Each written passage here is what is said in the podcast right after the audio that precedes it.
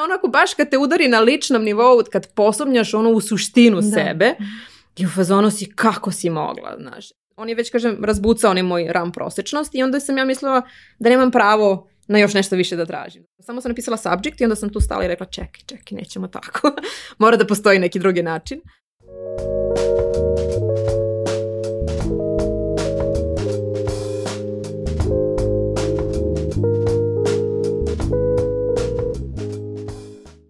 Zdravo, ja sam Aleksandra Petrovski, a vi pratite Fusnota podcast, samo za radoznale. Amiko Fusnote je Culke, globalni provajder inovativnih usluga. Hvala im za tu podršku, a kako vi možete da podržite Fusnotu i sve ono što kroz ovaj projekat radim, saznajte u opisu ove epizode. Kada sam pozvala moju današnju gošću, rekla sam joj ja baš volim da razgovaram sa introvertima koji su hakovali sebe.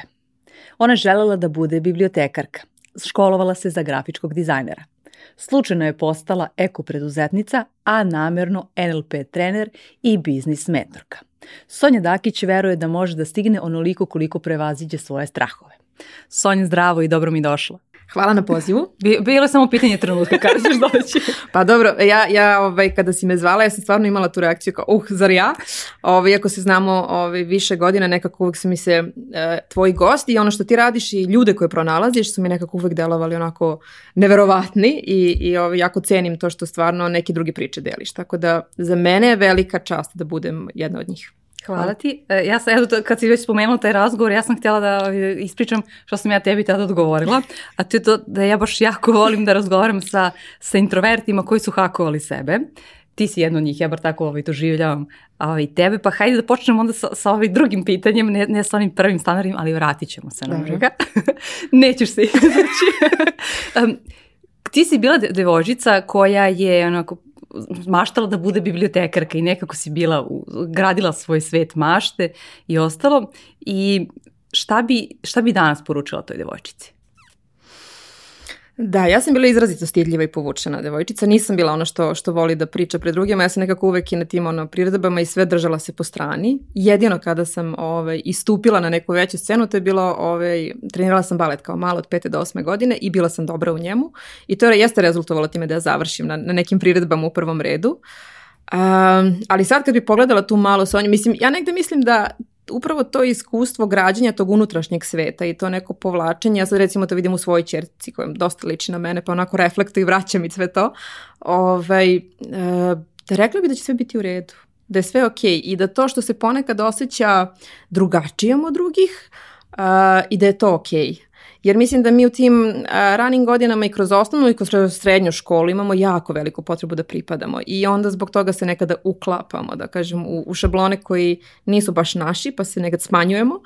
Ove, I to jeste jedan period sazrevanja. Meni je to značilo mnogo jer danas vidim da e, moje samopouzdanje dolazi odatle.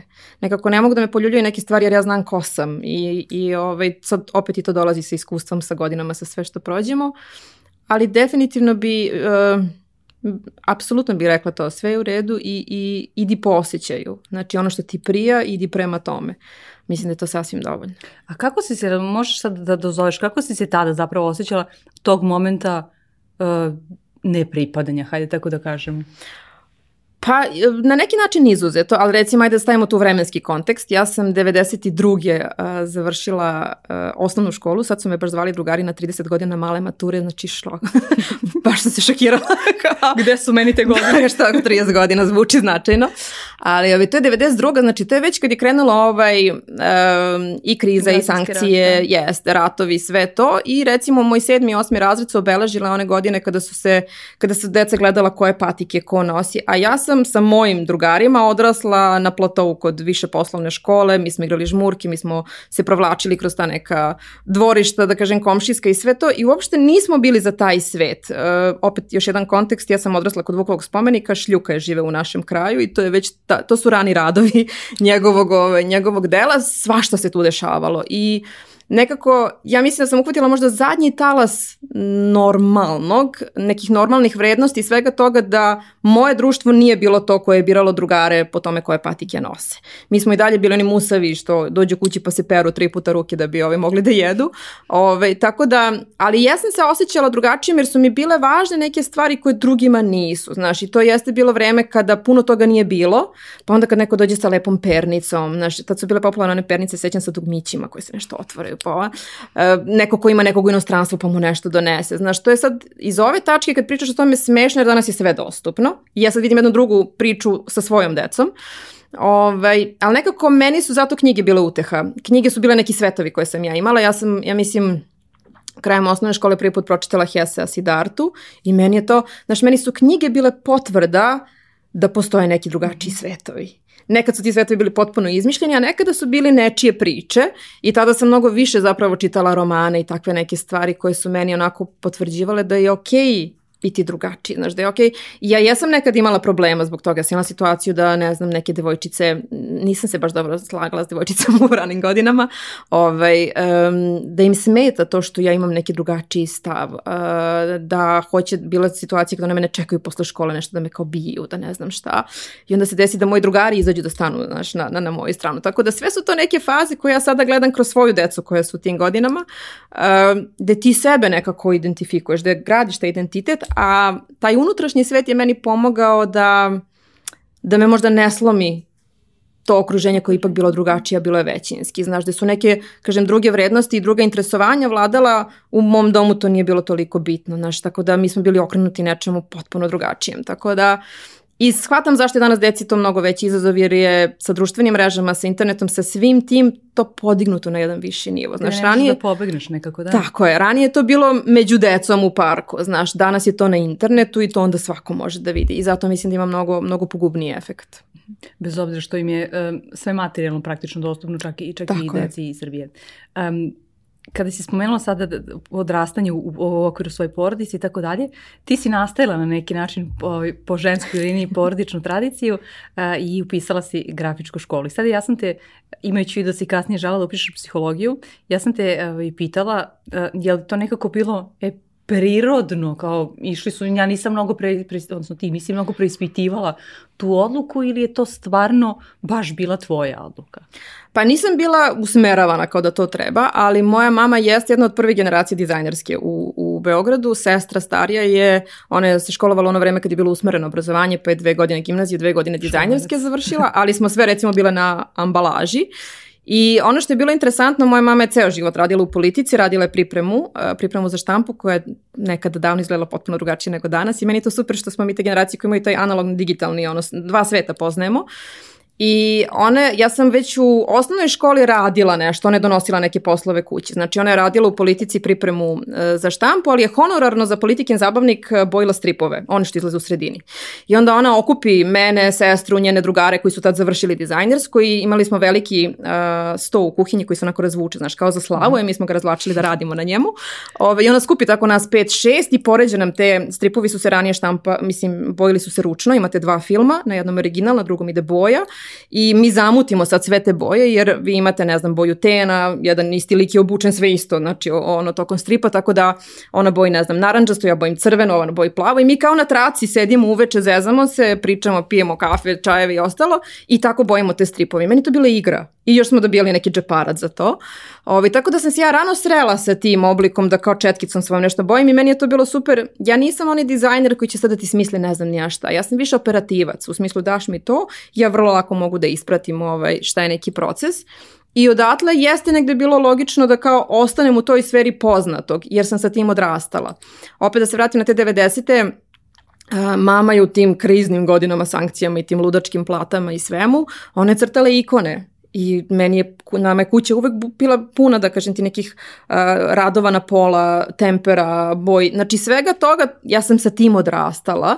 Ja sam kasnije sama honorarno nastavila da bojim Garfielda, Hogara i sve ono što izlazilo u politikinom zabavniku i meni je bilo zabavno jer je to kako da kažem, to je nešto što nema svaku priliku da iskusi, a to je nešto što ti kao uradiš da o, izađe oštampano, znaš, imaš neku, mislim, ja i dan danas nađem negde te zabavnike, nas, pa sam fazom prepoznam ih koje sam ovaj, bojila, tako da mislim da je odatle došla ideja za, za dizajnersku i ja, ona je meni bila super jer uh, moje iskustvo iz osnovne škole je bilo da ja, ja teško upadam u opšte obrazovanje Ja sam recimo imala užasan problem sa istorijom u osnovnoj školi, imala sam jedinicu iz istorije, zato što nisam nikako htela da učim na pamet godine ratova i svega toga, zato što za mene je istorija predivna nauka, koje je storytelling. Ali ne kako se predstavlja Ali ne u kako je mi učimo. Školi, da. Tako da. je. Znači kada bi mi, i meni je krivo što neke stvari danas ne znam. Sad ja kroz moju decu kao ih ponovo učim, ali to što sam ja bila kao samo dirigovana da, da znam koje godine se koji rat dogodio, ja sam bila ja neću. Ne godine, nego datum. Datuma, da, tačan datum moraš da znaš. Posebno što svi mi imamo pretke vrlo bliske koji su učestvovali u tim ratovima, da kažem, ovim poslednjim. Ja sam prvi put kad sam otišla u neku, imali smo ekskurziju na, uh, u Vojni muzej na Kalemegdanu, ja sam izašla potpuno uplakana i šokirana, znači kad se sretneš sa svim tim i shvaćaš što da tvoje bake i deke bili, bili ti ljudi na slikama. Ovi, tako da ja sam baš imala otpor prema nekim stvarima, nešto mi je super išlo kao što je srpski, pisanje, jezici i ostalo, Ali, ove, ali sam sa tim nekim, ono, ja gledam i sada, i nažalost školi dalje tako funkcioniše da ti iz fizike moraš da znaš formule. Ja pokušavam deci da objasnim, št, fizika je predivna nauka, fizika objašnjava kako ovaj svet funkcioniše, na, naš, ali se tako nažalost ne uči. I onda ja, jedan od razloga, ta, ta moja psihologija koja se nije desila, jeste to što nisam mogla da položim test opšte informisanosti, kako se tada zvao. Ja sam polož... znači ja sam se spremala, ja sam pauzirala godinu dana posle, jer sam u dizajnerskoj samo jednu godinu imala psihologiju. Ja sam rekla, ok, to nije dovoljno da ja, tada je bilo baš velika konkurencija na filozofskom fakultetu, mislim da je deset išlo na jedno mesto. Ja sam rekla, ok, ja sam prosječan vrlo dobar đak, znači ocene su mi tu negde, mogu da spremim psihologiju, ali ta, tada nije postojao učbenik za pripremu testa iz opšte informisanosti, kasnije su ga napravili. Uh, Ja sam izašla na prijemni i to su bila neka pitanja koja su meni bukvalno bila kao na, stranom jeziku. Ja sam shvatila da, jer gomila tih stvari koje smo mi bili usmereni da učimo, mi smo ih učili za ocenu. Da. Onog momenta kad smo dobili ocenu, ta memorija Zabora. se samo obrisala, razumeš? Jedno od pitanja koje me baš onako pogodilo, znači to je 97. godina, uh, bilo je koji je tip aviona leteo iznad Bosne tokom rata. Ja sam bila, ne, to ne želim da znam posebno što su moja bliska porodica bila ovaj, u Sarajevu tokom rata, ja sam to stvarno nije nešto. Ja sam tada shvatila da ja imam vrlo eh, selektivno, selektivan um koji će za ono što ga interesuje da kopa do kraja sveta, a za ono što ga ne interesuje. I danas, da kažem to prosto, kad neko nešto krene da mi priča, sam u zonu, ja to ne, znaš, ja, prosto nije moje polje interesovanja, neću sebe da opterećujem tim da. informacijama. Ali sam isto tako shvatila da taj, ja taj prijemni ne mogu da položim. Znači ja ne mogu da se spremim da to sad kao sabijem, to ih osam godina osnovnog obrazovanja. Tako da sam ovaj, to negde realno sagledala kako stvari stoji, pošto svi moji drugari otišli na primenjeno ili likovno, a mene to u tom pravcu nije dalje interesovalo. Ja sam negde ostala, što kaže to onako, ispod te crte ovaj, tog sveta. I kako, uh, pogotovo zato što si imala još godinu dana nadanja da ćeš se ti mm. upisati tamo. Kako ti sad, tada to doživljaš sa 20 godina, 19-20 godina? Sa 19 godina, pa to sam osvestila 20 godina kasnije zapravo. E, tada sam, e, da, ja, ja sam kao, ok, velika konkurencija, sve to shvatila sam da tamo idu odlični đaci, bukovci i sve ostalo, ali sam kao, jel, nadaš se da ima negde mesta za tebe. Ovaj, 20 e, godina kasnije sam osvestila da ono što sam tog dana pomislila i ponela sa sobom kao ideju, jeste da će zbog toga što nisam upisala fakultet koji me interesovao, moj život biti prosečan da ja nikada ništa značajno neću postići.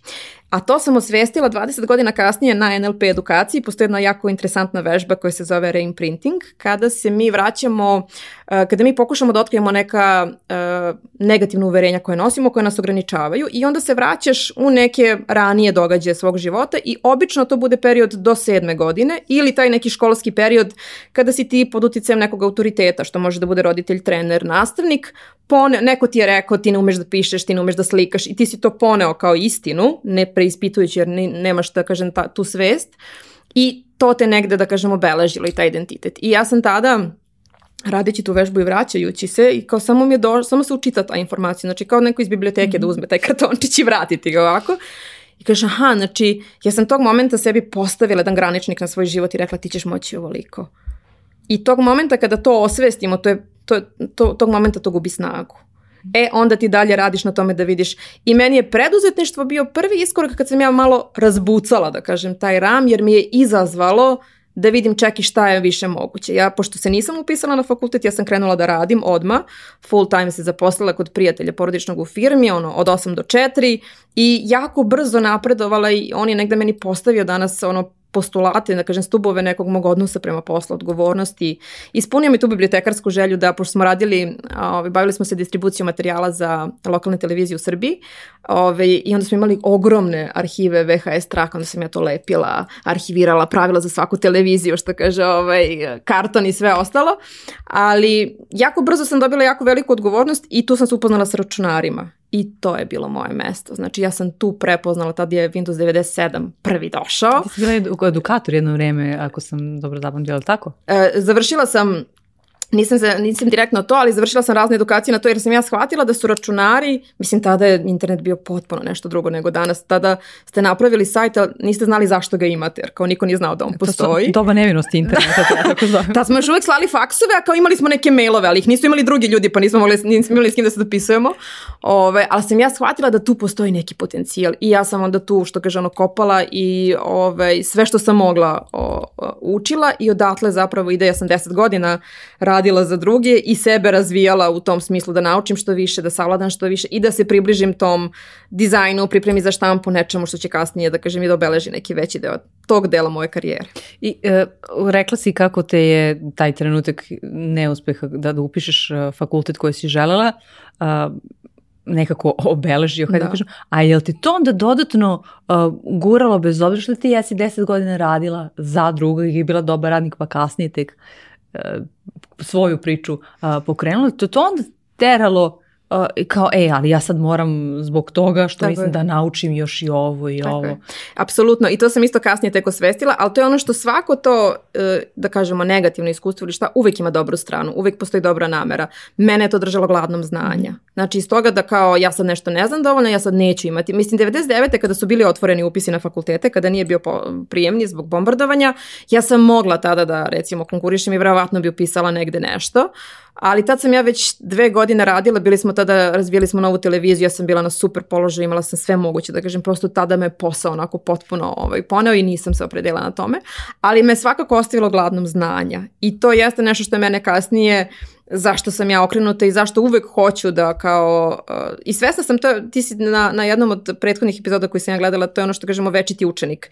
Ja apsolutno sebe, znači ja mislim da dok god smo živi mi imamo šta da naučimo i da to jeste poenta puta kojim idemo. Ovaj, tako da negde uvek volim da gledam da sam na pola puta, da imam nešto što nekoga mogu da naučim i da uvek ima nešto što od nekoga ja mogu da naučim i da onako, i to je super za ego malo, da se, da se peglamo na tom nivou, da, ovaj, da, da ne odletimo previše. Ove, ali da, da, to me da angažala na tome da, da istražujem šta još ima.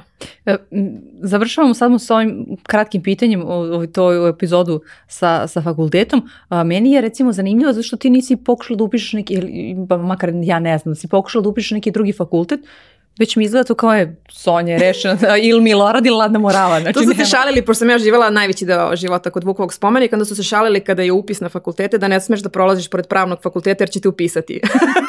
to je bila lokalna šala. Da, nisam razmišljala ni o čemu. Bila je varijanta kao ćeš u višu i to sam jedno vreme kao ajde možda kao višu.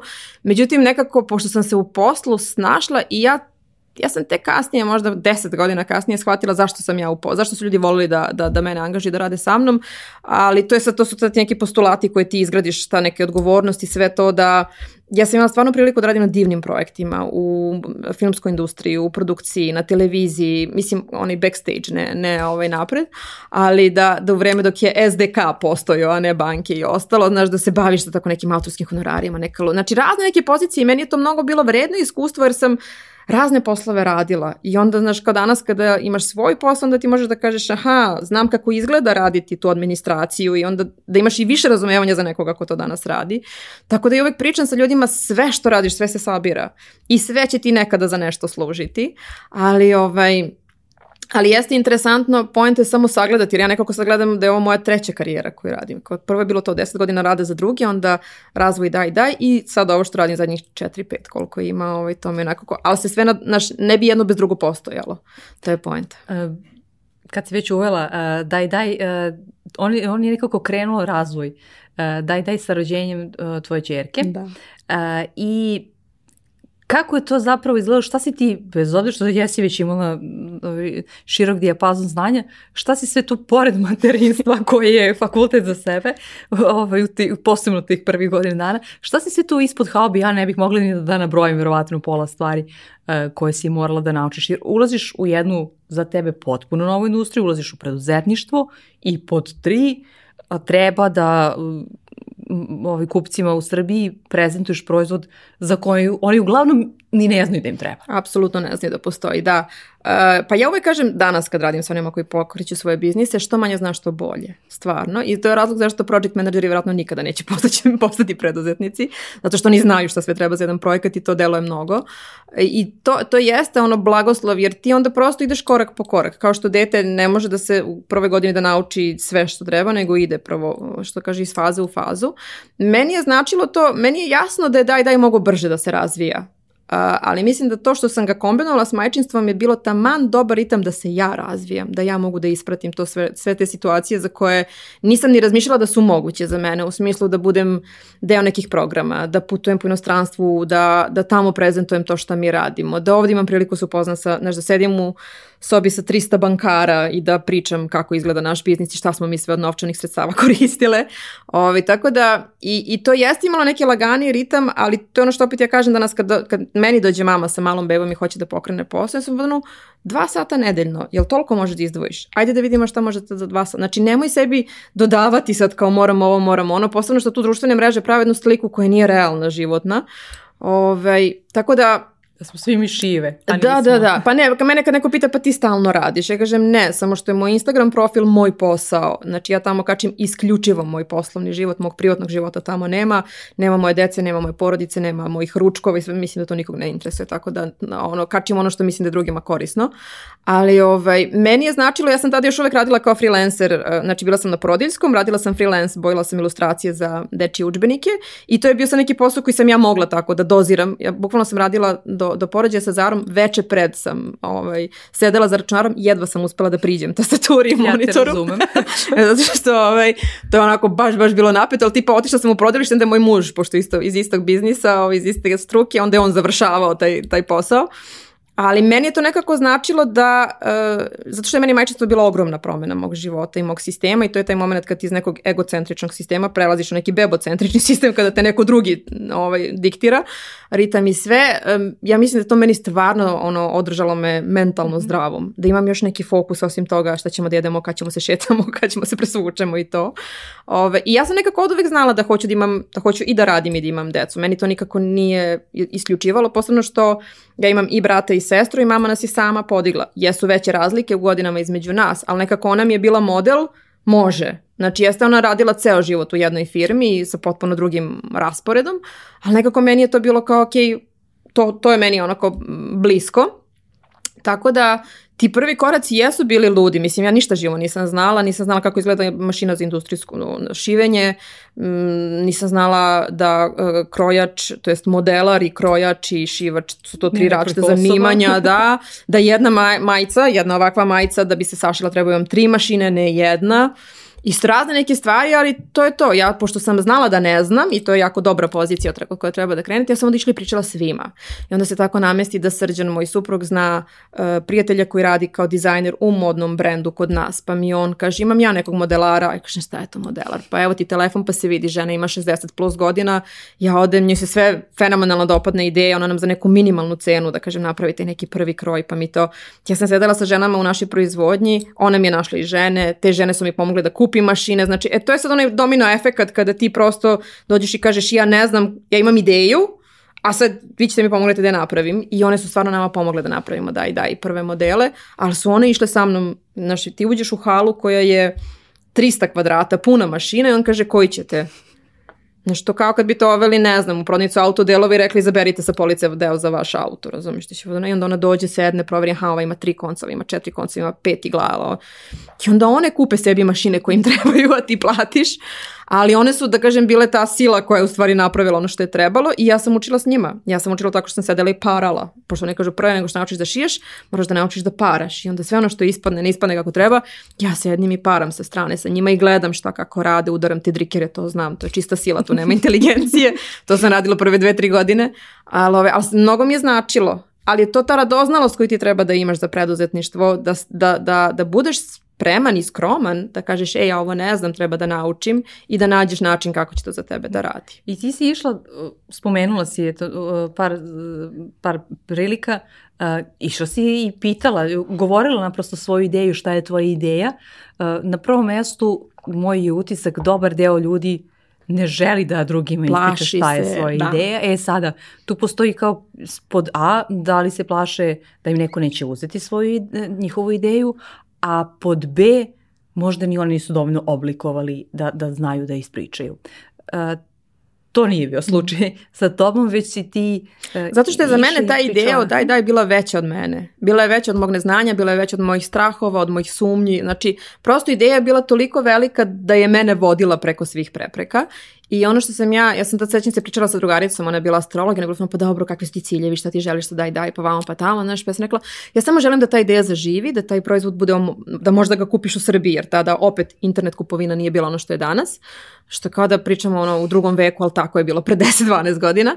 Ove, ovaj, I kao da eto ja od toga imam neki džeparac. Ja čak ni daj, daj nisam videla kao biznis koji meni treba da obezbedi neka primanja. I kasnije kada se ceo ciklus završio, meni je jasno zašto, zašto daj, daj nije bio finansijski uspešan, jer meni to nikada nije bio cilj.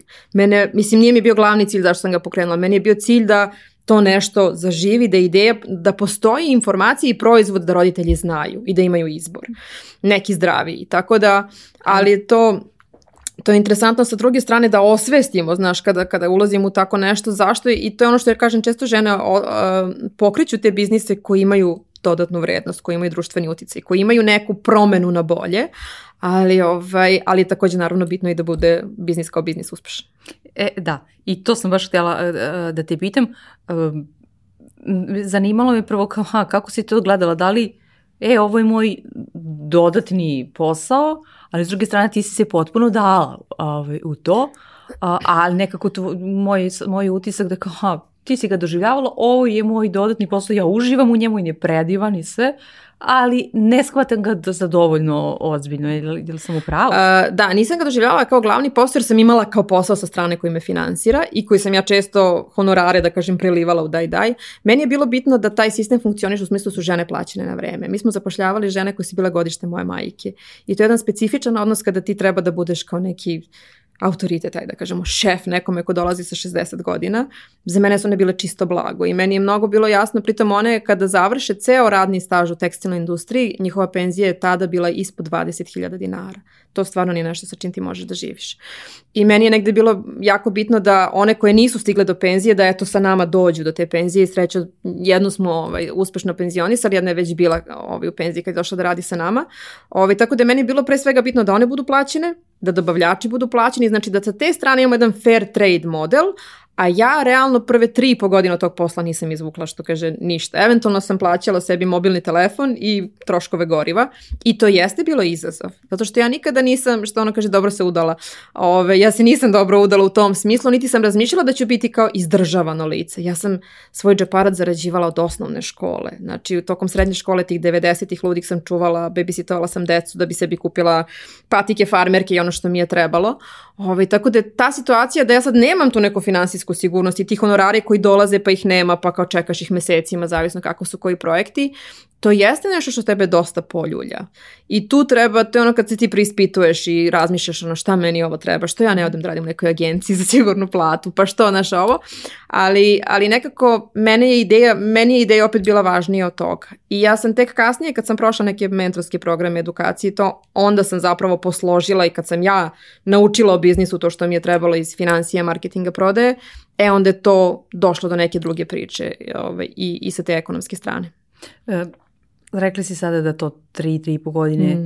uh, i ti i tvoja tadašnja partnerka u biznisu, tvoja ovaj, kuma, niste do, dobile platu. Da. Ovaj, volontirale ste u sobstvenom biznisu. Uh, ti istovremeno imaš malo dete, ne znala si Zvezdan rodio. Zvezdan se rodio 2011. kada smo uzeli kredit.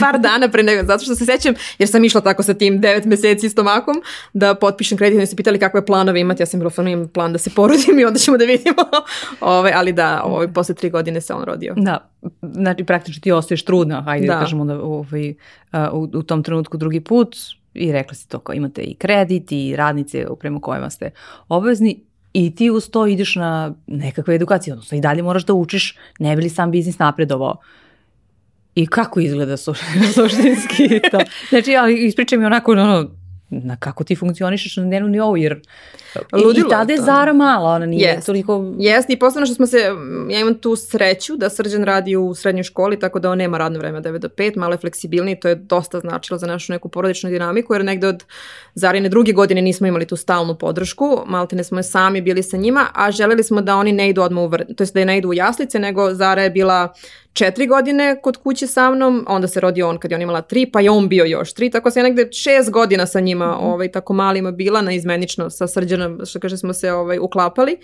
E, to jeste jedan haos, ali nekako i to je život i to je bilo situacija kada mi planiramo letovanje, pa onda kažemo, e pa čekaj, ne možemo ove godine na letovanje, mora materijal da se naruči, pa mi dve godine ne odemo na letovanje. Znači, to su neki ustupci koji stvarno nisu laki i jako je bitno sad opet da postoji taj neka podrške i razumevanje, jer kažem to Danas bi to drugačije izgledalo sa onim što ja danas znam. Naravno, neke, neke korake bi mnogo ranije ovaj, ubacili, drugačije bi se postavila, ali za mene to isto bila negde, i to je preispitivanje naš koliko tebe ta ideja vozi, koliko si spreman da se stisneš negde, znaš da nešto izdržiš, da nešto preživiš da bi onda neke druge stvari došle. Ja se sjećam za tu prvu edukaciju koja je meni bila u biznisu, ne prvo, ali najznačajnije u 2014. Uh, u Beču Impact Hubu Investment Ready program koji je koštao nekih recimo 800 evra na neke tri rate, mi smo ga jedva isplaćivali, bukvalno smo to skupljali po 50 evra, plus troškovi odlaska za Beč, boravka, no, da. boravka tamo tri dana, znači to je izašlo nekih 2000 evra, što je ta meni tada bilo nezamislivo. Danas mi je to najnormalnija stvar da platim za neku edukaciju, ali tada je to za mene bilo onako baš kao kuća, zbog čega sam se ja tu maksimalno aktivirala i rekla sam ok, ja idem tamo da proverim da li ovaj biznis ima smisla, da li ovo što radimo ima neku matematiku, znači šta znam, šta ne znam, da bi mi iz tog programa izašli sa potencijalnom investicijom koju smo mogli da dobijemo i da ja onda shvatim ok, dobijemo ogroman vetar u leđa i uh, u roku 2-3 meseca napravim promene koje treba i biznis za godinu dana dva i po puta naraste. Znači, e, to je ono zašto ja kažem, nekad vam treba neko da, da vam ubrza taj put, da vam kaže da ne morate sve sami i danas mislim da je to super što postoji toliko resursa, samo je bitno opet i tu se ne preplaviti, nego birati jedan put i koliko toliko ovaj, voditi, ali bilo je, bilo je situacija kad sam ja bila fotonu da odustanem, da, da ne mogu više da to idem, da radim negde, da, da mi se mozak što kaže odmori da radim nego za fiksnu platu Ove, i to nije ni malo lako, Nekada je dovoljno da, nekada mi je bilo dovoljno da prespavam, ono što kaže se samo naspavaš pa da, da budeš normalni. A ovaj, imam, imam jedan, eh, i taj mail čuvam u draftu na Gmailu i subject je Sonja traži posao. Taj mail sam prvi put napisala možda 2000, ne znam, 11. 12. u tim nekim kriznim. Nikad ga zapravo nisam, samo sam napisala subject i onda sam tu stala i rekla čekaj, čekaj, nećemo tako. Mora da postoji neki drugi način ali ovaj, u, u, u nekim, jednom na konferenciji su me pitali kao pa šta ste radili tako, jeste mislili nekada da odustajete, ja sam ono, prate, kvartalno sam razmišljala to, svako kvartalo ti se preispituješ ponovo kao čemu sve to, ali najluđe mi je bilo jednom kada stvarno više nisam znala šta ću pošto ja imam taj stav da je sve rešivo komari forle, ja sam uvek mora postoji način da, da ga rešimo. Ove, ovaj, jedno mislim sam baš... je to urođeno ili naučeno? E, ja mislim da je urođeno. Ja sam posle skontala da je to nešto sam ja preuzela od moje majke, da je to njen princip jer je ona bila ta žena koja je nas, kažem, sama podizala i ona je žena koja u svojoj e, torbi ne nosi šminku, ona nosi glimericu i izolir traku i kada crkne nešto svetlo, bojler vamo tamo, ona uzme tu glimericu, otvori to, nekad popre napravi, nekad napravi kuršlus, ali je to njen princip bio. Znači stane joj auto, ništa, ona stane sa strane, tad nema mobilnog, nema, ti čekaš da neko prođe. Znači tako da iz te njene ovaj, neke snage i odnose mislim da je to nešto što ipak pokupimo od tog glavnog okruženja. Ali u jednoj toj situaciji kad mi baš, baš bilo teško, ja kao ono što kaže, sve mi loptice idu nizbrdo, razumeš? I sad ne vidim šta je iza toga. Ja zovem moju drugaricu koja se bavi astrologijom. I meni je astrologija uvijek neka fantastična, onaš, kao ono, sfera znanja koja ti da širu perspektivu. Ja ništa ne mogu da zapamtim, ne znam gde mi je koja planeta, moj srđan to zna, ništa ne umem da povežem sa čim šta da simbolizuje, ali meni to nekako pomogne da shvatim da sam jedan mala tačkica u ogromnom sistemu i da u tom sistemu mora da postoji, razumeš, još nešto. I ja nju zovem i kažem, slušaj, i dam je moj datum, datum firme, nervira me sve to, kaže ona znaš Sonja svetska kriza, ja kaže znam ne interesuje me to što je svetska kriza, šta je sa mnom, razumeš, šta ću ja da radim? To nije moj problem. Da, to nije moj problem, ja to ne mogu da utičem, razumeš, daj mi ovo što je moje operativno. Kaže ona to da si sada, vidim kako stvari stoje, to da si sada, kaže to je najniža tačka. Aha, ja kažem dobro. Dalje nema dobro. Da, da, da, da, da, znači ne može gore, ne može. Znači od ove tačke idemo samo na bolje. Kaže da, super, meni je to dovoljno bilo. Znaš, to je ono kad te neko potapše po ramenu i kaže ti proći će. Ili te, ili te slaže, ali nema je Nema veze, ali u tom momentu ti si u fazonu, ok, proći će. Znaš, to je isto kao sa decom, jer ti u fazonu to, rodi se dete, pa kao ne znam, ima grčeve, pa prođu grči, pa dođu zubići, pa prođu zubići, pa krene da puzi, razumiješ? I ti si u fazonu samo da prođe, samo To je isto sa biznisom. Znači ti samo imaš sledeće. Znači sam, moji su 13 i 10 godine, ja samo imam druge izazove. Da, oni su prohodali, propričali, sve su usvojili navike, ali kao dolazi sledeći Uvijek nivo igrice. Faza, da. Tako je. E to kad prihvatiš i kad kažem ostaneš nekako radoznao da budeš u fazonu čekaj da vidim kako ovo može s druge strane, ovaj, to je ono što čini, što razlikuje, da kažem, pobednike, i gubitnike, kako god da ih ovaj, klasifikujem, ali meni je to tad bilo značajno, sam se posle toga tome smejala i bilo fazonu, aha, to je najniža tačka, super, kao, znaš, sad, lagano i nekada je to, to stvarno dovoljno, znaš, nekada je dovoljno da, da, da se ispričaš sa nekim, da čuješ samog sebe i to, da se naspavaš i da sutra budeš pametniji za neke stvari. Mhm. E, Jel si, kome je bio namenjen onaj mail? Mislim, ne moraš da kažeš ime, prezime, osobama. Nikome direktno, tako... ali na nekoliko mailova sa kojima sam tada recimo mm -hmm. poznavala. Znači nikome ga nisam, nego sam bila, ja, ja sam tu u fazonu pusti vest, znaš, kao poslala bi ga, ne znam, četiri, pet adresa i bila u fazonu ako znate nekoga, ako znate nešto, ja bi nešto radila. Mm -hmm. Jer ja nekako, ja se nikada, to mi isto posle kasnije ovaj, sam toga postala svesna, ja nikada nisam bila ona osoba na bilo kom poslu, bilo koji firmi koja, znaš, ti sad dođeš i kažeš, slušaj, ovo treba da se uradi, ja kažem, to nije to moj obavim posao. posao. Da. Ja, ja sam bila fana, to treba se uradi, strava. E, mi smo u tako imali te situacije, ja sam tamo radila u grafičkom studiju, pravila ovo plakate, bilborde, filmovi, razumeš sve. A? I onda dođe neki domaći film je bio, sa se više ne sjećam koji, štampa se DVD u stara vremena u 100.000 primjeraka. I sad treba se spakuje tih 100.000 primjeraka i u magazinu ne mogu i mi obustavimo sve poslove na dva dana i svi, marketing, prodaja, financije, sedimo oko tog velikog konferencijskog sova i to napravi se traka, jedan pakuje, drugi stavlja omotnicu, treći zatvara, da, da, da Meni su to bili najlepši mogući momenti. To je ono što ja zovem baba u doradi, razumeš, u štampari, gde ti pričaš sa kolegama ceo dan, odmaraš mozak od onog računara i slažeš te DVD-ove, razumeš, i na kraju Skoro dana imaš. Skoro bio to team building, da. Tako je, to je bio, da, prvi model team buildinga. Tako da ja nikada nisam bila u tom fazonu, ko to nije moj posao. Ja sam fazonu, to treba se uradi. Jel, mislim, i posebno u preduzetništvu. Meni je žao što društvene mreže nisu bilo ono što su danas za, za ovaj društvo, da, da pokažem kako izgleda to kad ja naručim materijal, ja znam da meni materijal treba 45 dana da stigne iz Turske i onda ja ne uvrstim u tih 45 dana Ramazan, pošto ga ne pratim, jel tako? Ali meni se javi moj Turak i kaže, e, znaš šta nam je bio Ramazan, mi kasnimo dve nedelje. I sad ja, na, znači ja sam otprilike sračnala kad mi treba materijal, ja u tom momentu prazne police, naručbine mi stižu, ja nemam šta da pošaljem, dopisujem se, svinjavam se svim mogućim kupcima, sedim i čekam i onda mi se u nekom momentu javi moj dobavljač iz Beograda i kaže večeras stiže auto, bu, ovaj kamion, ja ne znam kad. Ja sam to nema veze, sam mi javi kad dođe, da žene sutra ujutro mogu da dođu da radi. I on mene bukvalno zove u 10 uveče, ja pakujem svoj auto, obaram sedišta i presrećem kamion ono kao na pola autoputa da mi samo izbaci 4-5 bala, razumeš da ja imam šta da radim i onda ja te bale koje su 20-25 kila, sva srećna što su napokon stigle, ja ih nosim na drugi sprat proizvodnje, u fazonu sam ujutro možemo da radimo. E to je, to je biznis, znaš, kad si ti spreman šta god da se dogodi, ti ćeš da odreaguješ, da uradiš šta treba, da se priča nastavi, a ne da kažem ja, ja sad ovo ne mogu, sad treba neko od nas da dođe, pa to nije moj posao. Tako da mislim da je Ali stav. Ali ti si tako i za, za, da kažem, za drugi, za neko ko je poslodavac. Tako je, da. tako, je mm. tako Ja sam uvek, kažem, i to mi je posle, postala sam svesna zašto su me toliko volali kao radnika. Ja, I ja sam tada bila svesna da sam ja dobar radnik u tuđi firmi. Meni je to bio neki identitet sa kojim sam se ja potpuno povezala. Bila sam, to je to, to je moje mesto, razumeš. Nisam, nisam sebe videla kao preduzetnika, jer nisam imala taj model u svom okruženju.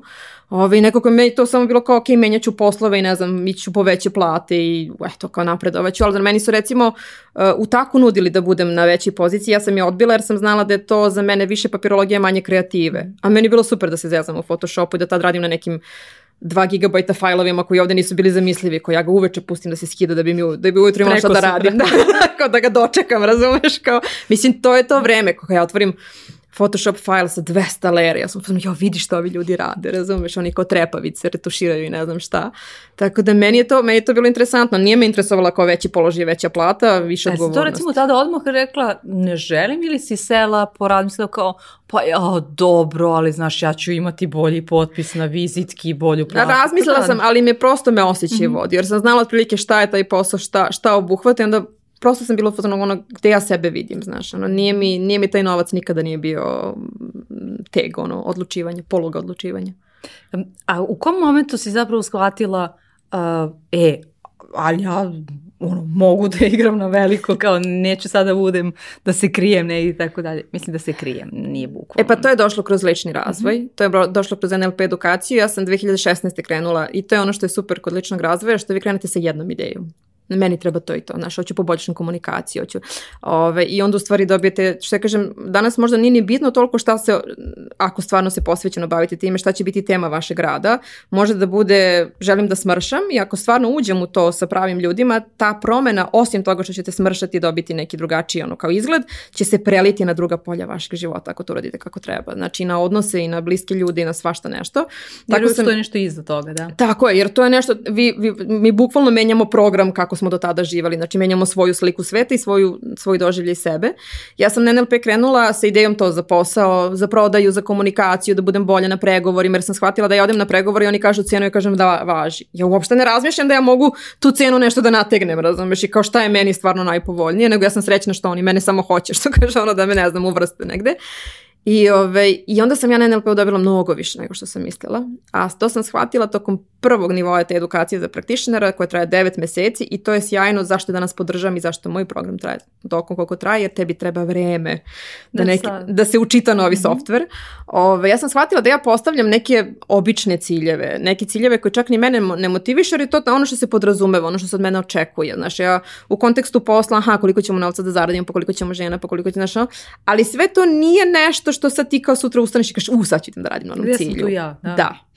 I ja sam tu krenula da se preispitujem i onda sam između dve edukacije, jer sam ja odmah nastavila na master, uh, išla na coaching 1 na 1 i to je mene prokinulo. To je prvi moment kad sam ja uh, sagledala šta sam ja sve dobila kroz Daj Daj, kakve su se mene prilike pružale, gde sam ja obično imala onaj to kod žena često vidim, ono je obično da kažem, aha, eh, ja sam bila na pravom mestu u pravom trenutku ali to nema nikakve veze sa mnom. Ja sam, eto, desilo se da sam ja. Nikada sebe nisam dala na, za pravo da su se neke stvari meni dogodile jer sam ja bila ta koja je trebala da to proživi. Od TEDx govora do raznih drugih nekih događaja. Ti si zgrabila te prilike zapravo, da? Da, bila sam kao, ok, ajde hoću, iako mi je to frka, iako me ono kao, tresu mi se noge, iako nisam sigurna šta će, kako će, ono, čekaj, ali ako sam ja pozvana mora da postoji razlog.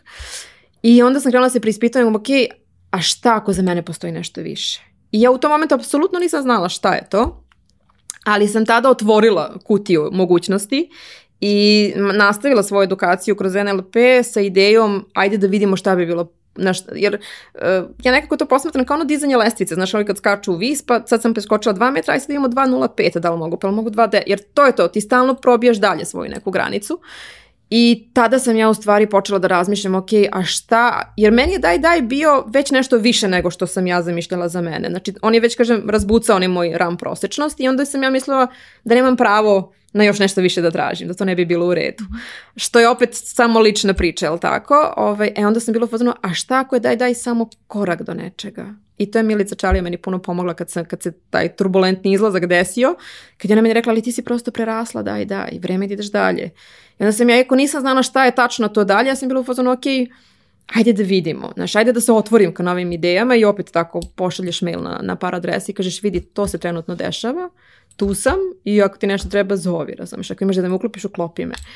I meni je to negde pomoglo da sebi dozvolim da, što kaže, otvorim vrata koje ne znam kuda će voditi, ali da sagledam i da izađem iz neke priče za koju sam mislila da je moje sve i koja je jako bila vezana za, za, za moj identitet i za nešto kako su mene ljudi percipirali jer je to mene, da kažem, stavilo u neki svet i neko okruženje koje ranije nije bilo moje, meni dostupno. Mhm. A hajde ispriča nam baš u, u tom momentu tog izlaska iz jednog ozbiljnog identiteta koji je na neki način tebi zgradio Da. Pa ja sam uvek šala rekao, ali mene svi u telefon, telefonskom imeniku imaju kao Sonju daj daj, kao ko ću biti sad, razumeš, kao ne znam kako se prezivam, sreće pa imam kratko prezime pa može da se spakuje.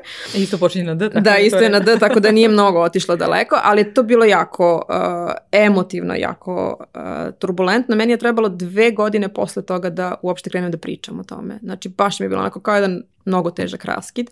Zato što se nije sve desilo onako kao što, znači ja sam u momentu kada sam pomislila, ok, aha, jer ja sam tad već, znači to je 2017, ja sam već 2015. u Supersteu prvi put imala priliku da budem mentor, kroz Social Impact Award sam se u neke programe već uključila i videla sam da sa onim što ja znam, što sam prošla i sa ovim što sada učim, ja mogu nekom drugom da budem vetar u leđe. Onda sam ja razmišljala, aha, pa možda bih ja mogla to da se malo izdvojim iz daj daj, da se i dalje bavim tom nekom kreativom i razvojem, ali iz operative da se izvučem, a da paralelno sa tim i dalje budem u tim nekim programima koji su uglavnom bili pro bono i meni je to bilo strava. Znači ja prvi put kad sam dobila honorar za Superste, ja sam bila fanović, mislim, ja bi realno platila da budem tu, kako da vam, da sedim za tim stolom, kao, ovaj, tako da to meni totalno jedna nova dimenzija bila. Uh, I ja sam u tom nekom kao planiranju imala tri recimo neka scenarija kako ja mogu da izađem iz daj daj u naredne dve i po godine. Znači kako taj izlazak stvarno može da bude lagan i nekako onako i da firma nastavi da radi i da ja mogu da pratim i dalje.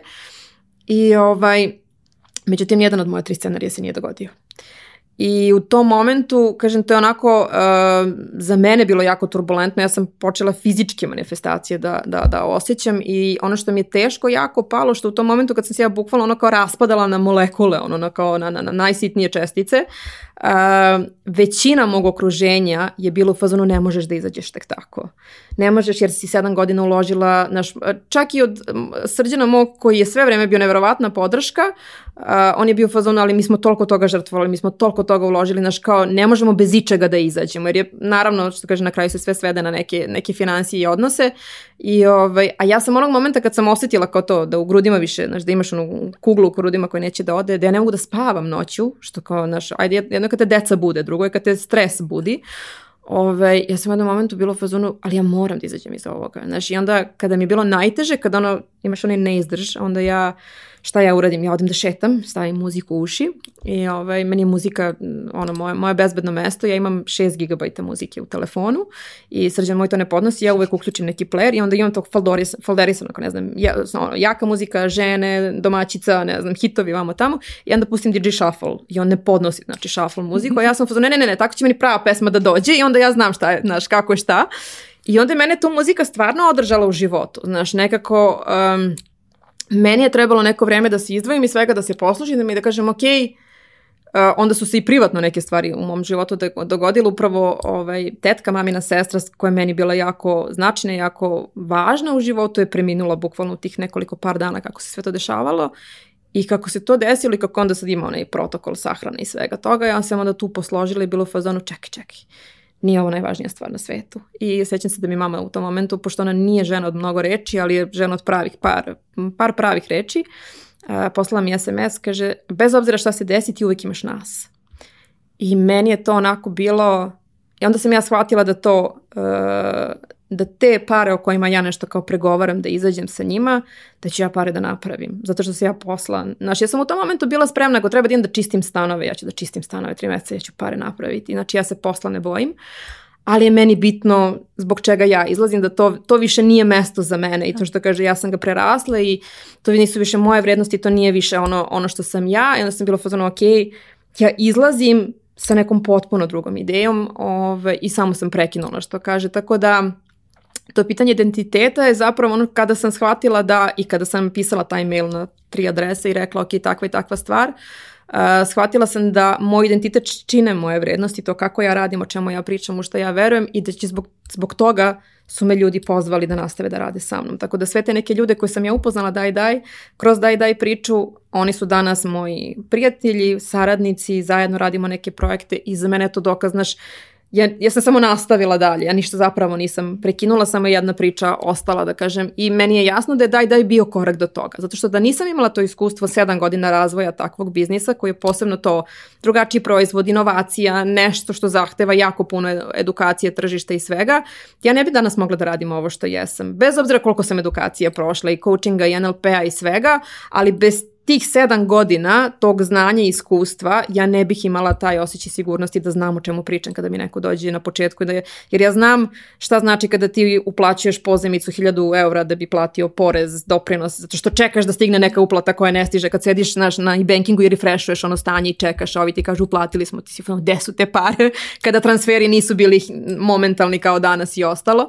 Tako da ja sve to znam kako izgleda. I ako danas nekom, znaš, kao mogu da pomogne da taj put prođe brže i lakše, onda je sve to imalo duplo više smisla, znaš, i proizvod je zaživeo i, da kažem, i danas je potpuno neka ovaj, druga priča, tako da jeste mi negde bilo žao što se priča kao priča ugasila, ali sam onda shvatila da je to, ovaj, pošto su ljudi najviše vezivali negde za mene, da je to možda bio jedini način da, ovaj, da se tako završi.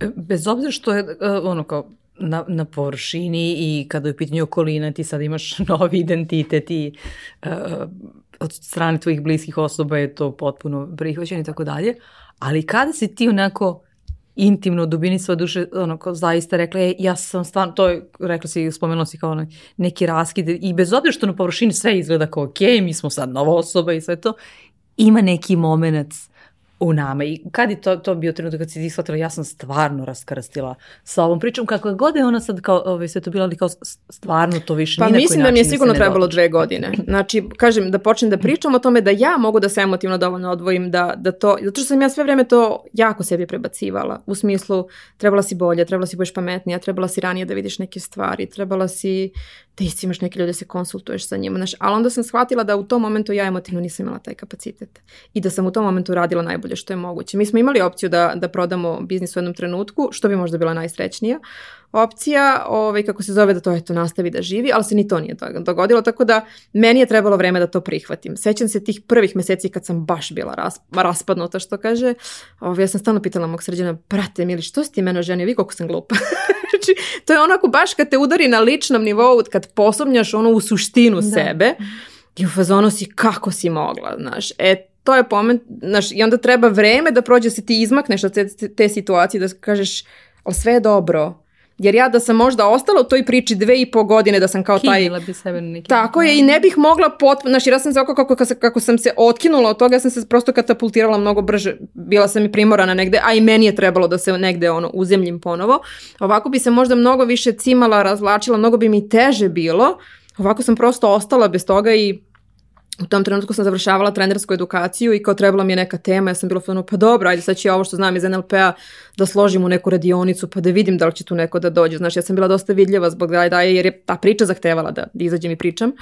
Ovaj, tako da je onda to nekako jedno drugo, znaš, kockice su se slagale, ali ja se sećam, uh, meni se sertifikacija za NLP trenera poklopila sa 40. rođendanom. I to su ti okrugli rođendani koji nas onako malo nepadno nam lako, znaš, ono kad si ono, brate, gde sam, šta sam, znaš, ono, preispitaš se. Ali meni su sve, sve nekako bili znakovi pored puta, znaš, to je rođendan koji sam ja proslavila sa, ono, kao prijateljem i familijom sa zadnjih 200 evra u džepu koje sam imala i bilo sam fazonu, ne, sad ću da ga slavim sad ćeš da ga proslaviš, znaš, jer nekako e, posle dužeg perioda osjećala sam se kao da sam prodisala. Koliko god u tom momentu nisam znala šta ću tačno da radim, kako će to da izgleda, da, da, da, nekako bilo sam fazonu, ok je, Znaš, ok, jer sam se ja posložila sama sa sobom i bilo fotno, ok, ajde sad da vidimo znaš, na osnovu svog tog ličnog rada preispitivanja gde si, šta si, šta je, nešto, šta je neka nova priča koju ćemo da učitamo. A, kako si uspela, mislim, to je na neki način kao Feniks, bez obzira što, ovaj, hajde kažemo, tebe lično si se raspala ovaj, e, u tom trenutku i ono da, da ne ideš za, za svakom prilikom koja već onako malo kažeš da staneš malo na, na, ovaj, na zemlju i da znaš nekako da odabereš dobru sledeću priliku i što je važno da, ovaj, da veruješ u, u novu ljubav. Da. Pa zapravo nisam mnogo, ja sam ono šta sam svesno uradila, bila sam fazano ok, ja sad ne znam šta ću tačno da radim, mada ja, ja sam pilotirala tada prvi mentorski u martu mesecu, znači ovaj, i imala sjajnih še žena koje su bile tu da, da, da sa mnom pokrenu tu priču. Ali sam ja bila fazno, ja ću sada da budem yes man, kao Jim Carrey u filmu, ja ću da prihvatim sve što dođe. Znači ja sam poslala pa, par mailova i stvarno su ti neke organizacije i ljudi koji su me znali, zvali su me za neke radionice, ali to nije bilo dovoljno da sad zavrti na nekom nivou, ali meni bilo super da ja sebe sad to treniram, jel tako, da vidim da ja sam šta sam. Ali sam ja bila fazno šta god da dođe, ja ću da prihvatim. I ta godina je meni donela neverovatna iskustva, neverovatne projekte gde sam ja završila kao asistent asistent na projektu Super Srbije koji se bavio ove emisije koja bi išla na, na prvoj ja mislim, ako se ne varam, gde to opet se vraćam u televizijski studio, budem u backendu, radim sa Marijom Kilibardom na nekim tekstovima, predstavljam tako neke super priče, uh, završim na UNDP-ovom projektu tri meseca gde spremam uh, biznise za Belgrade Venture Forum naš i to. I ono što je interesantno, opet se sad vraćamo na nefinansijski aspekt, uh, E, za ti godinu dana, kad se završili, kad sam ja podvukla tu crtu i rekla, ok, da vidimo šta je sad bilo, znaš, koji su projekti bili strava, koji sam zamislila pa nisu ispali tako dobro, koji su me napunili energijom, koji su mi na ono, kao što kaže, iscrpili svoju energiju, kad sam financije pogledala, ja sam tačno zaradila onoliko novca koliko sam tela, sa koliko sam pregovarala da kažem ti da izađem iz daj daj. Mm -hmm. I bilo sam pa sve u redu. I to je meni bila potvrda, ok. Ali na osnovu tog iskustva ja sam onda mogla da kažem, e ok, sada na osnovu ovoga ja znam kako ja želim moje sledeće godine da izgleda i u kakve projekte želim da uđem i kakve saradnje želim da nastavim, a koji su neki projekti koji ću, ću možda ovaj, reći ne. I od tada pa i do danas ja zato i kombinujem kao negde svoj rad, kroz svoj mentorski program neke radionice, ali takođe i saradnju sa drugim organizacijama, na drugim projektima, ti ja smo zajedno mentori bili na nekim projektima. Znači to sad nešto što je onako ja volim da kombinujem da bi opet imala tu neku širu, širi spektar rada ali i dalje ostajemo otvorena da vidimo ok, šta sve može. Tako da ja, ja ne verujem u taj zlatni plan, znaš kao sad mi zacrtam jedan plan je da kao pijem plota, moramo da ga se držimo. Ja sam fazon ok, da postimo pravac kretanja u kome želimo da idemo, da vidimo šta je meni, znaš, šta je meni bitno, s kakvim ja ljudima ću da radim. Ja hoću da radim, znaš, sa, sa pričama što kaže, ja, ja ono, kad me neko pita šta ti radiš, ja kažem ja pomažem dobrim idejama da porastu.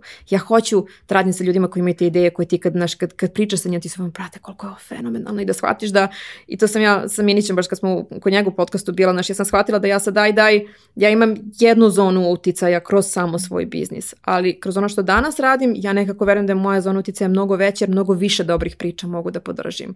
I to je ono što je meni vredno, znači zašto, zašto se negde ulažem u taj mentorski rad toliko. Tako da, to jeste negde što ono što je pokušanje da ne kažem ne moraš da znaš sve, ne možeš da znaš sve, point je da nađeš pravac i kažeš ok, ovde ću da se usmerim, znaš, tu je moja zvezda severnjača i da onda budeš otvoren da na tom putu kao da vidiš šta će te sačekati. Mm -hmm. Da li je, a, u kom procentu je zapravo ovo što je danas tvoj mentorski program Živi, radi, voli, mada bih ja to smatramo mnogo šire, tvoj uticaj je zapravo Živi, živi radi, voli, a, e, od tog prvog koji si na, na NLP-u kreirala, ja si ga zamislila kako, kako danas izgleda i Jel to to kao? U smislu, znam da, znam da, znam da ti imaš ideje. Jel to gotovo da sada? Ideje, nego kao, e, okej, okay, to, to, to je sad ono, to sam sad ja, mi ćemo da živimo srećno do kraja života. mislim da to nikada nije tako, da, zato što mislim da mi koji imamo ideje, što kaže, mi, mi, mi, mi ne spamo mirno nikada, ovaj, šalu na stranu. Uh, jeste, Ne u ovom obliku, ali da, da to da. što da. radiš zapravo. Jeste, da. jeste, to će ostati, da kažem, ostaće to u nekom moje polje delovanja, ali ću ga svakako menjati. Moja prva ideja je bila to da bude polučasov, poludnevna radionica, onda mi je Slavica rekla, ja mislim da ti možeš bolje od ovoga. Ja sam otišla kući i bila sam šta je bolje, šta je više i tako došla do mentorskog programa, pa onda posle dve godine takvog programa napravila online edukaciju, koja je sad evo treću generaciju, Za ovu godinu mi je plan da ga osvežim, u smislu da ga ponovo prepakujem, snimim, malo ga promenim i da onima koji su prošli program da, da dalje mogu sa njima nešto da radim. A sa druge strane, opet onaj grafički dizajner moj ne spava. Ove, ovaj, tako da, I nikad nije spavao sve ove Nikada godine. nije spavao, da, redno je vradio ove, ovaj, sve vreme, ja i dalje se ložim na te stvari koje su opipljive, koje se štampaju, što kaže, ja sam ona budala što kupuje vino po etiketi, a ne po, po firmi, pošto je ne znam, nego ja kao računam ako se neko potrudi etikete, etikete mora bude dobro vino. Ove, ovaj, tako da mene loži dalje ideja da ono što sada znam, negde materializujem u neke proizvode koji će biti interesantni ove, za rad i to je ono što bih volela.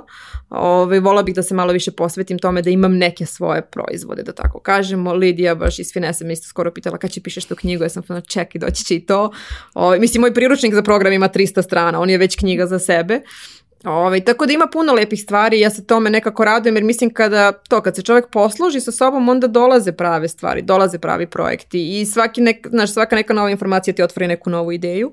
A, tako da da, ostaću u ovom polju gde jesam, samo ću to i dalje na, nadograđivati, kao što sebe nadograđujem. Znači ja sa svakom novom generacijom u mentorskom programu ja isto tako učim sa njima. Znači ja ono gledam kako to iskustvo, ne znam, online rada, zajedničko, znači kako da bude bolje, šta, šta danas znamo, što nam je dostupno da, da, da to podigne u neki sledeći nivo. Mhm. E, ovo sam ti pitala između ostalo zato što si malo pre spomenula da si daj daj nekako doživala nisi ga doživala kao biznis, Uh, i možda ga nisi čak ni potpuno uzimala za ozbiljno. A sada je ovo znatno drugačije. Pa gledala sam ja Daj Daj kao biznis u smislu da to treba da radi, da to treba da živi, da, da treba da se širi. Mislim, mi smo bili to i u maloprodaju, u aksiji, u DM-u, radili smo izvoze, znači to je bilo onako operativno, ali to je bio jedan mikrobiznis, znači to je bio mikrobiznis koji u svoje zadnje dve godine kada je kao najviše negde bio razvijen, prihodovo 10 miliona dinara godišnje. Znači, to je stvarno mikrobiznis danas kada, kada ga ja sa te strane gledam, ove, što se tiče opet nekog utica i svega toga što želiš. Ali svakako, danas imam jedan drugačiji odnos, drugačiji neke naočare kroz koje posmatram biznis, ali opet se tim uticajem. Znači ne samo šta to novčano treba da bude, nego šta ja, kao, na šta je ono što ja hoću da ostane posle mene to je ono negde što je moja tema, ja se uvijek šalim pošto živim preko puta novog groblja, pa onda često hodam po novom groblju i to je meni nakon jedna prijatna šetnja ako ljudi to percipiraju drugačije, ali e, mislim da to kada neke godine prođu i kad ti negdje oceniš da si na polovini života tu negde, ovaj, zavisno kakva ti što kaže ova porodična ovaj, anamneza. Svatiš da postoji negde gde je kraj, da? Da, i onda znaš, kreneš od toga i da vidiš okay, šta je to što, što, što će ostati iza mene, znači šta je to što ja u ljudima, ne u smislu materijalnog, nego meni je to št, kada je tetka preminula i kad smo prošli, da kažem, sve to i pošto ona bila neko ko je mene onako gledao i ja sam kroz neke krizne situacije u životu sa njom bila ovaj, kao mala, ovaj, ja sam bila u fazonu, naš pitanje koje meni je ostalo je bilo samo Znaš, da li smo dovoljno voleli jedni druge, znaš, dok smo bili tu, jer to je ono što će ostati. U meni ostaje one osjećaj koje ona meni kroz sva iskustva koje smo imali ostavila. I onda, to je nešto odakle živi, radi, voli i nastao. Znaš, kad me nekad pitaju to kako, kao odakle film, ime, naziv, uopšte, jer sam ja kao sve vrijeme nešto tražila, tražila, tražila, sam ga bukvalno downloadovala, što kaže, na letovanju, jer tako onda se smiriš, pa malo se utišaš, pa da sve dođe što treba.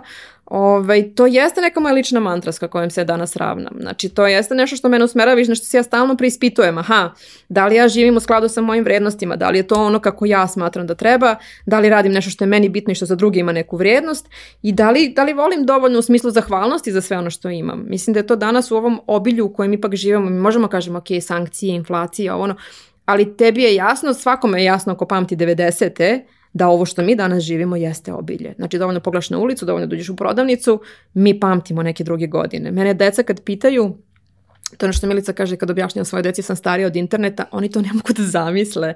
Znači oni znaju ovaj svet, a mi smo nekako na granici, mi znamo i jedan i drugi i mislim da to treba da služi da osvestim, aha, šta ja danas imam, šta je meni važno, u šta ja želim sebe da uložim u smislu mog, mog vremena, moje energije, što za mene ima smisla. E, privodimo ovaj razgovor kraju i imam a, e, tri, pa možemo da kažemo leksikon pitanja. A, ovaj, pošto si uzdahnula, a, ovaj, pre toga da te pitam, Sonja, ko si u suštini ti?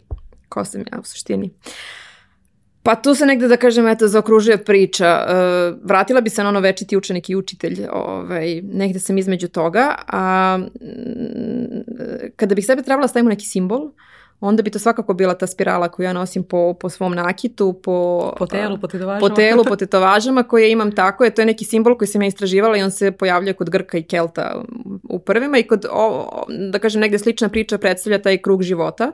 Meni je interesantno što možeš da ga posmatraš od spoljnog ka unutrašnjem krugu, što jeste taj neki naš lični razvoj, koliko iz nekog širog okruženja i svega što naš život jeste, koliko sebe, znaš, koliko sebe upoznamo, a isto tako da se odmotamo ka drugima sa onim što mi jesmo, da na drugi eto izvršimo neki, znaš, da damo neki doprinos, da ovaj svet ipak bude malo bolji. Tako da to bi za mene bio simbol, a žive radi voli jeste nešto što je onako meni stvarno leglo na dušu i što mi je slatko, meni je prva Zorica koja je bila mentorskog programu rekla, slušaj, meni ono tvoje žive radi voli ništa nije značilo, ovaj, ja tebe znam, ja sam zbog tebe došla u program. I onda mi je to bilo fazno, aha, moram da proradim na tome. ovaj, ali sad mi je slatko jer sad ljudi već, znaš, sad svako neku svoju priču oko toga ispriča i to je nešto što, što tako i treba da bude u suštini. Mhm. Ovaj, svako treba da reflektuje sa onim što je njemu blisko. Mhm.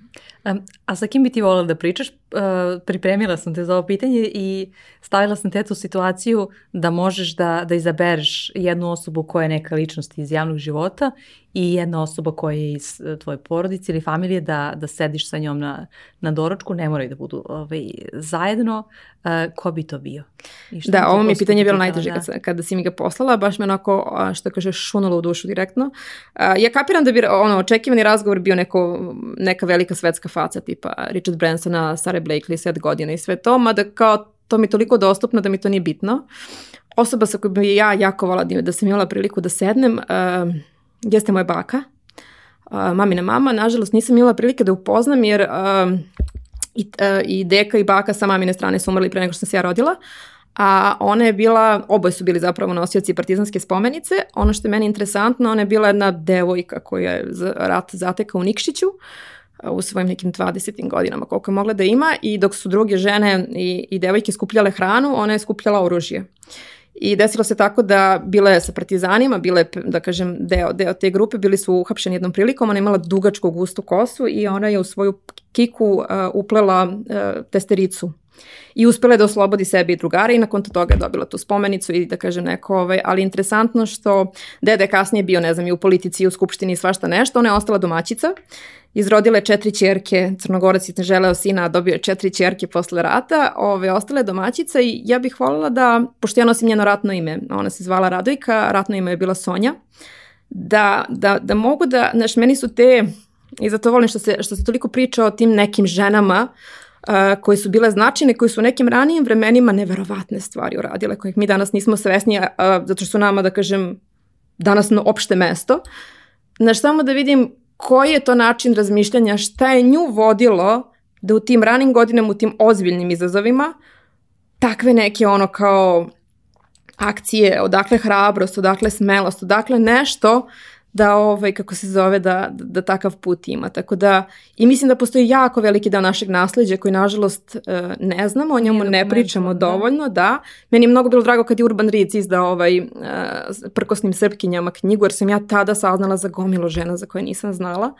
I mislim da su to priče koje treba više da pričamo, jer, znaš, onda, ok je da mi ima danas u svetu, imamo uzore koji su danas toka uspešni, ali postoji toliko toga što je bilo pre nas, koje su, znaš, ne, ne mora samo žene, ali ljudi koji su prvi otvarali škole, bili doktori, išli da studiraju, u nekim nenormalnim uslovima radili, znaš, to je dovoljno da, da danas ovaj, posložimo neke stvari i da odatle izvučemo možda neku inspiraciju i snagu. Tako da bih ja jako vola da, da sam imala priliku da ju E, imam jedno sad malo lakše pitanje. Ajde. E, e, moram samo još jednu dopunu da kažem, samo izvini na ovu temu.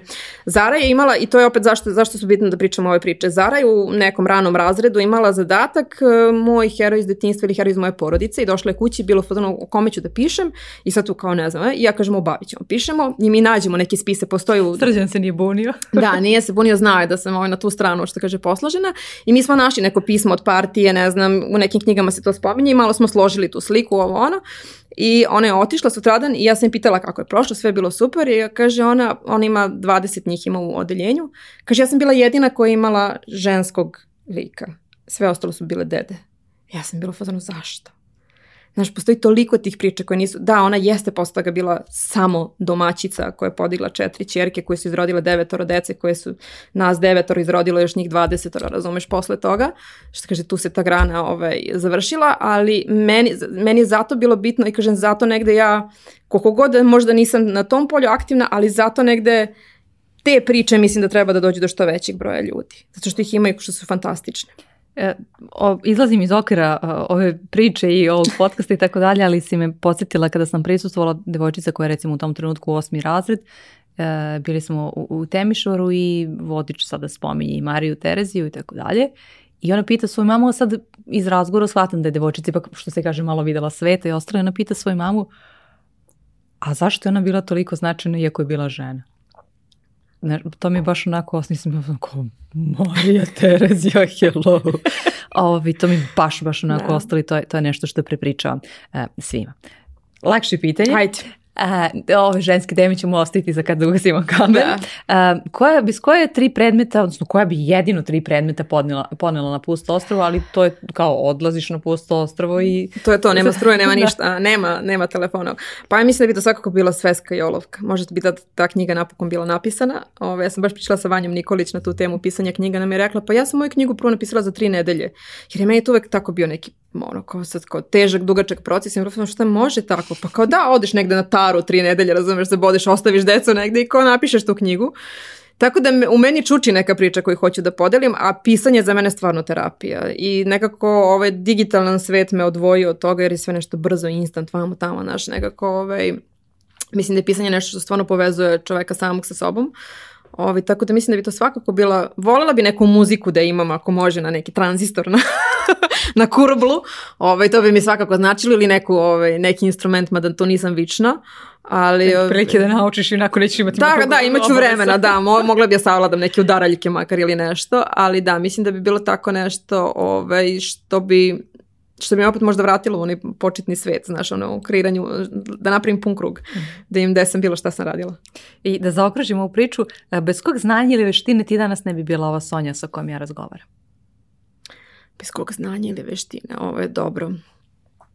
Pa možda opet da se vratim na tu radoznalost. Hrabrost i radoznalost su mi nešto kao bar barma, da ja sebe nikada nisam videla kao hrabru. Uh, ali radoznalo i ono što sam skontala istrajna. Shvatila sam da sam uporna kao virus, što bi rekli. Ovi, skoro sam to nekom u banci sam imala neku situaciju, žena mi se izvinjavala što to ne može da mi reši, što moramo da imamo drugu filijalu. Ja sam njoj rekla, znate šta gospođa, ja sam u ovom predvodništu 12 godina. Ja sam istra. Znači, to dokazuje da mogu da ide. Znači, nikakav problem. Jel treba da idem kilometar i po do druge filijale? Idem ja u drugu filijalu, ja danas moram to da završim. Znači, tako da možda je to ta neka kombinacija radoznalost i strajnost Ovi, hrabrost mi je možda negde nekom viši polici još uvijek. E, hvala ti na ovom razgovoru. E, hvala. Kao uspomenu što si bila moja gošća e, od Krojačeva škole ja ti poklanjam godin dana pristupa njihovoj online platformi, tako da imaš čitav ono... novu ovaj, biblioteku. novu biblioteku i čitav švedski sto znanja da dopunišiš. Malo mada ja sam ti to rekla da je moj subjektivni osjećaj da ti imaš najmanje dva mastera u da. poslednjih nekoliko, u, neko, des, u posljednjih deseta godina. Ovaj, pa po financijama da... sigurno. i po vremenu koje je uloženo, da, hvala ti. Da. E, hvala ti još jednom što si, što si bila moja gošća i što si e, podelila neke stvari u kojima do sada nisi baš mnogo ove ovaj, priče. Da, pa mislim da to tvoje umeće. Hvala tebi pre svega što, što istražiš naše priče i što, što daješ priliku da se neke drugačije priče ispričaju. Tako da hvala ti na tome. Hvala vam što ste pratili ovu epizodu i ostavite nam u komentarima šta vam je to bilo najinteresantnije i sonjene priče. Zdravo! Ćao! Ljubina, pa y para para para para